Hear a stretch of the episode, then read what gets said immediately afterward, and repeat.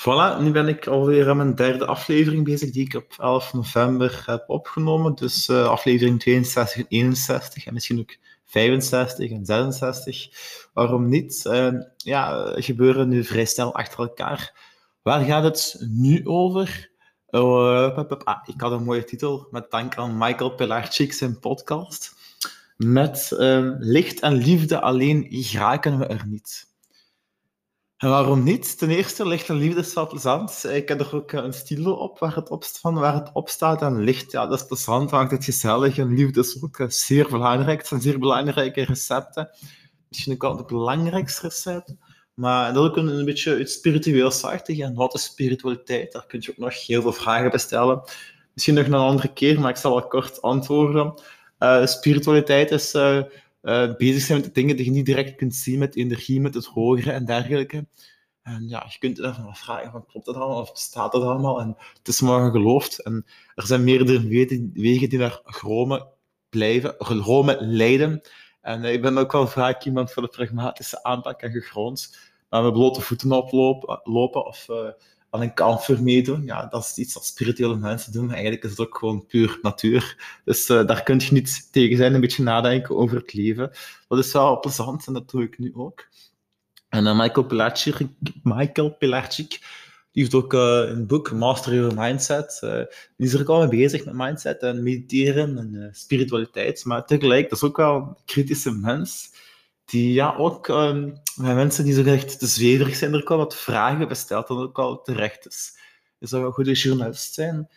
Uh, en uh, ja, in zijn laatste podcast was ook Richard Breitman, of ik weet niet hoe de naam was.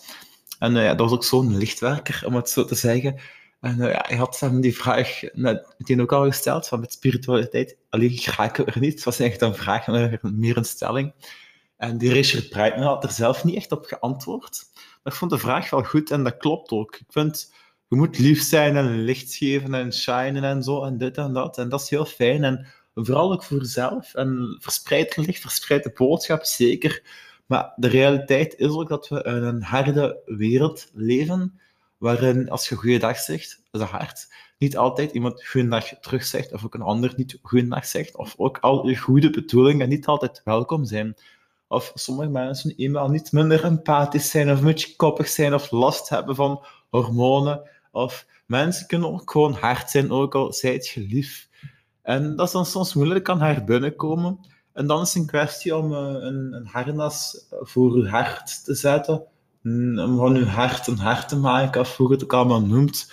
Of ook als je een zacht persoon zit, om dan net ook extra je hart hard te maken, of extra stevig te zijn eigenlijk dat is ook het punt. Als je een zachte jongen bent, moet je net hard in je schoenen staan. Want dan krijg je, kun je veel te verduren krijgen. Daarom ook, ik ben uh, een heel gevoelige jongen. Ik zou het nou zoveel podcasts zien al weten. Maar daarom ook, moet je ook net sterk zijn. Anders uh, laat je mensen je energie ontnemen. Of uh, spelen ze met u. En ik ben liever de, de leider met korte ei dan met een lange ei. Uh, terwijl, ja, ik weet ook wel, leiders die geen gevoelens hebben, dat is het ook niet. Dus ik wil ook even een kort pleidooi houden voor uh, sensitief leiderschap. Of mensen die introvert zijn, uh, die misschien wel graag voor een groep spreken of die die taak opnemen, maar niet per se de graag de hele dag rond mensen zijn eigenlijk. Hè. ten eerste, niet iedereen is zo, dus dan krijgen die mensen een beetje bijval. En als leider is het extra moeilijk. Ik heb ook een podcast geluisterd. Ik luister veel podcasts uh, over ja, sensitief leiderschap of nieuw leiderschap. En dat is wel interessant, want die mevrouw, die gasten, ik ben haar naam vergeten, die zei ook al, over voor sensitieve mensen moet je ook, is het ook belangrijk om op de werkvloer duidelijk te zijn. Hè? Mensen, sensitieve mensen hebben nood aan duidelijkheid. Uh, dan zeggen ze mensen, misschien kan er niet hard binnenkomen, maar duidelijke regels creëren, een duidelijk en een veilig kader. En um, sommige mensen ja, maakt het uit wat het nu veilig is of niet, of wat de regels zijn. Ik doe mijn eigen regels, maar uh, sensitieve mensen hebben ook altijd een beetje een steun nodig van, of uh, een, moet je dat zeggen, van een, een lijn nodig. Uh, ook al kunnen ze rebel zijn, ze moeten ook al weten van, ben ik hier, mag ik hier graag zijn, of um, ben ik hier niet te raar of zo, terwijl je ook al een beetje raar wilt zijn. Dat is allemaal wat moeilijk uit te leggen. Maar ja, autisten, ja, dat zijn sensitieve mensen, dat is misschien iets anders. Maar die ook nood aan duidelijke regels. En ook um, iets waar we ook al te binnen sprong is... Um, ja, wat is het beste? Professioneel zijn of vanuit het hart spreken? En enerzijds moet je een beetje diplomatisch zijn, maar anderzijds zeg ik zelf ook graag waar het op staat.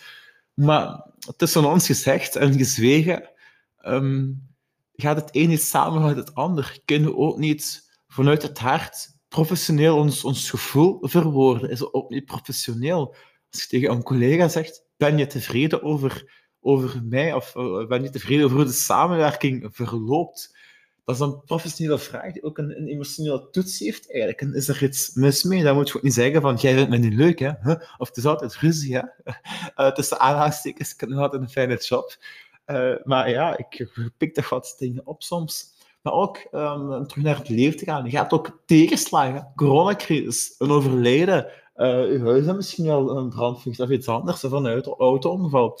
Hoe gaat je daarmee om? Dat is ook, ook al als je een heel lieve jongen en ook lieve mensen, misschien ook soms moeilijk om hulp te, te aanvaarden, of omdat ze misschien soms een lage zelfwaarde hebben, of mensen die graag pleasen. Of, uh, ik ben niet per se een pleaser, uh, ja, ik, maar ik had ook net daar nog een verschil tussen uh, graag goed doen en mensen behagen.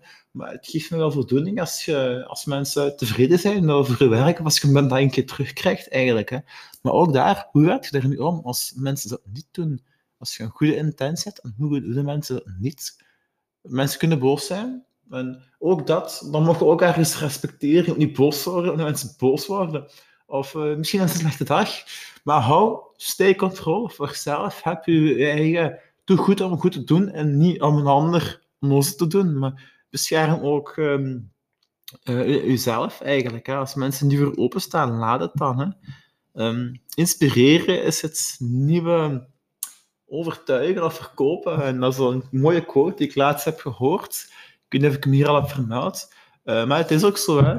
Um, schijn omdat je vanzelf schijnt en niet om, om, om, licht te geven aan een ander. Misschien is dat een, een mooie uh, samenvatting. Hè? Um, de zon, waarom... Ja, oh, nee, ik zal een ander... Waarom verspreidt licht zich zo fel? Omdat het andere mensen wil licht geven? Of omdat het gewoon fel is? Ik denk dat het fel is.